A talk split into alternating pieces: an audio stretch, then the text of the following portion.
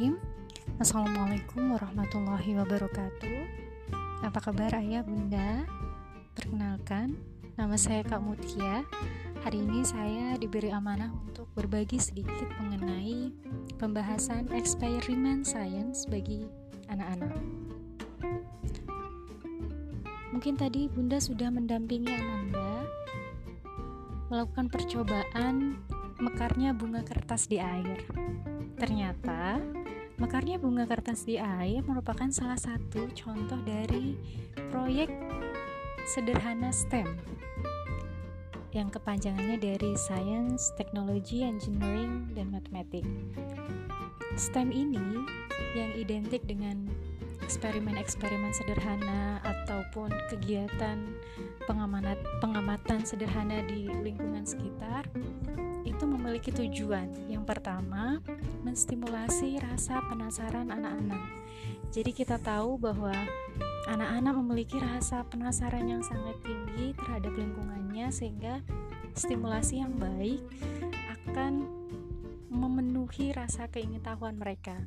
Kemudian menjadikan anak-anak menjadi bersemangat dan bergairah untuk belajar. Belajar tidak lagi identik dengan sesuatu yang membosankan, tapi sesuatu yang wah, sesuatu yang magic, sesuatu yang membuat mereka bersukaria. Yang ketiga, memperbanyak rasa ingin tahu yang seperti yang dikatakan di awal dengan tujuan untuk menguatkan kemampuan otak karena diyakini bahwa otak itu memiliki kemampuan seperti otot. Ketika otak ketika otak anak-anak diberi stimulasi lebih banyak, maka kemampuannya akan lebih baik. Kemudian yang keempat, yang paling penting adalah mengajarkan anak-anak untuk tidak masalah gagal, tidak masalah salah, bisa diulangi lagi dan bisa diperbaiki. Ada hal-hal yang perlu dilakukan oleh orang tua ketika melakukan proyek STEM.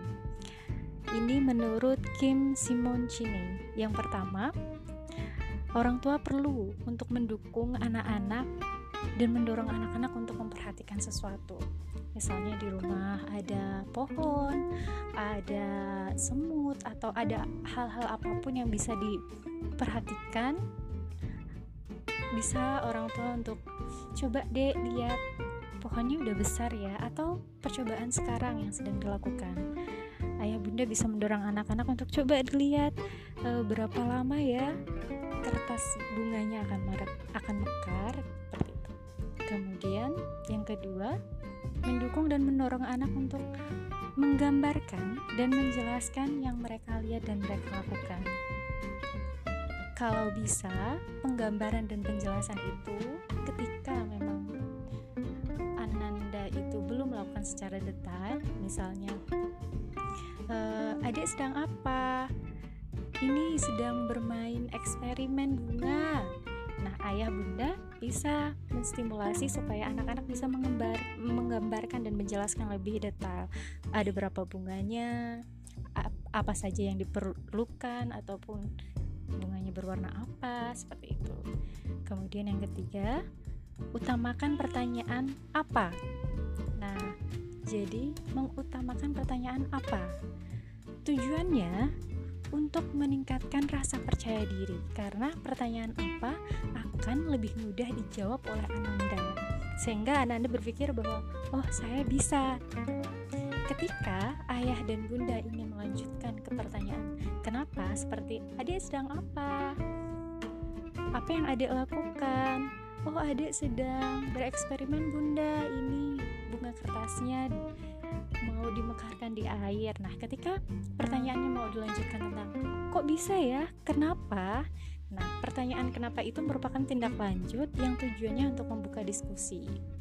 Jadi, bisa ayah bunda menjawab, "Kenapa ya? Apa karena?" seperti itu. Jadi, berdiskusi. Kemudian yang keempat, menghitung dengan cara one to one correspondency.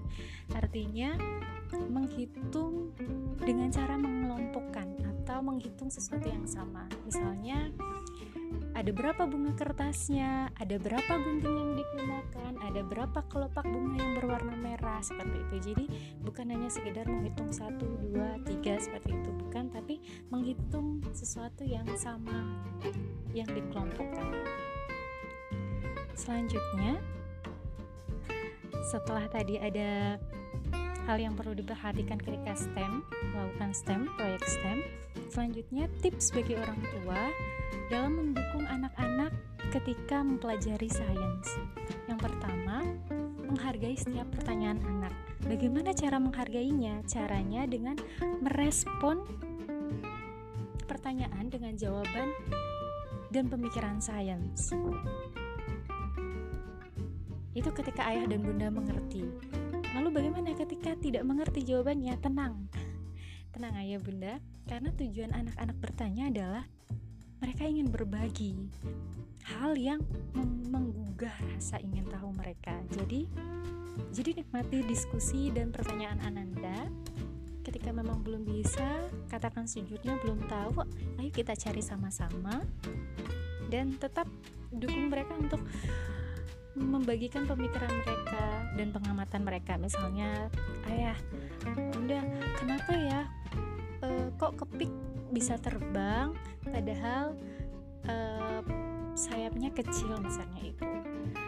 Ayah bunda belum mengerti. Ayah bunda bisa tetap mendorong mereka dengan kenapa ya dek? Bunda belum tahu menurut adik kenapa seperti itu. Kemudian yang kedua eksplorasi dan temukan jawaban bersama. Ini pemahamannya adalah ketika Ananda bertanya dan ayah dan bunda sudah mengerti jawabannya.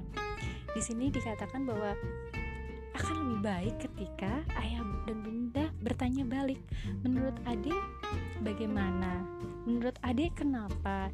Jadi ayah dan bunda tidak perlu menjawab secara cepat atau seperti ensiklopedia bagi anak-anak seperti itu jadi mencoba untuk membuat kondisi di mana ayo kita cari sama-sama seperti itu tapi di sisi lain ada pula anak anak-anak yang ternyata terinspirasi dengan orang tua mereka ketika orang tua mereka mampu menjawab semua pertanyaan yang mereka tanyakan.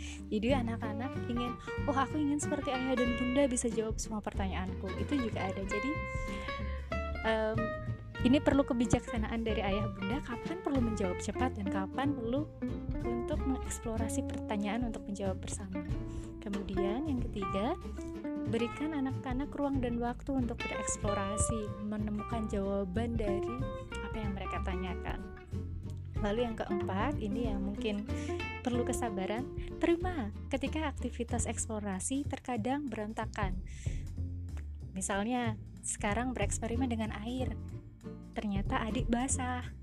Ya terima saja ya bunda tidak apa-apa. Nanti bisa dikeringkan. Atau mereka bereksperimen dengan tanah ternyata mereka menjadi kotor. Tidak apa-apa. Jadi nanti bisa dibersihkan seperti itu ya. Yang kelima belajar bersama dari kesalahan. Jadi ketika bereksperimen jika ada eksperimen yang tidak tepat atau salah tidak apa-apa um, ayah dan bunda perlu mendukung adik untuk tidak apa-apa. Ketika melakukan kesalahan ini kesempatan untuk mencari kira-kira apa ya yang perlu diperbaiki. Karena ternyata kesalahan itu mampu menuntun anak-anak ke berbagai macam kemungkinan. Sehingga anak-anak memiliki kesempatan untuk memperbaiki ide mereka, memperbaiki pemahaman mereka dan prediksi mereka.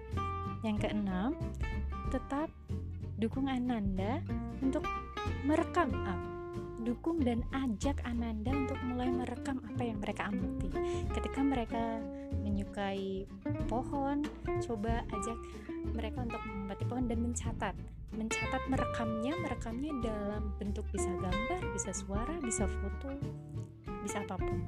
Yang ketujuh, gunakan benda dan alat-alat yang tersedia di rumah untuk melakukan eksperimen dan eksplorasi. Baik, uh, demikian Bunda, Ayah, terima kasih atas waktunya. Mohon maaf apabila ada kesalahan. Wabillahi taufiq walhidayah. Wassalamualaikum warahmatullahi wabarakatuh.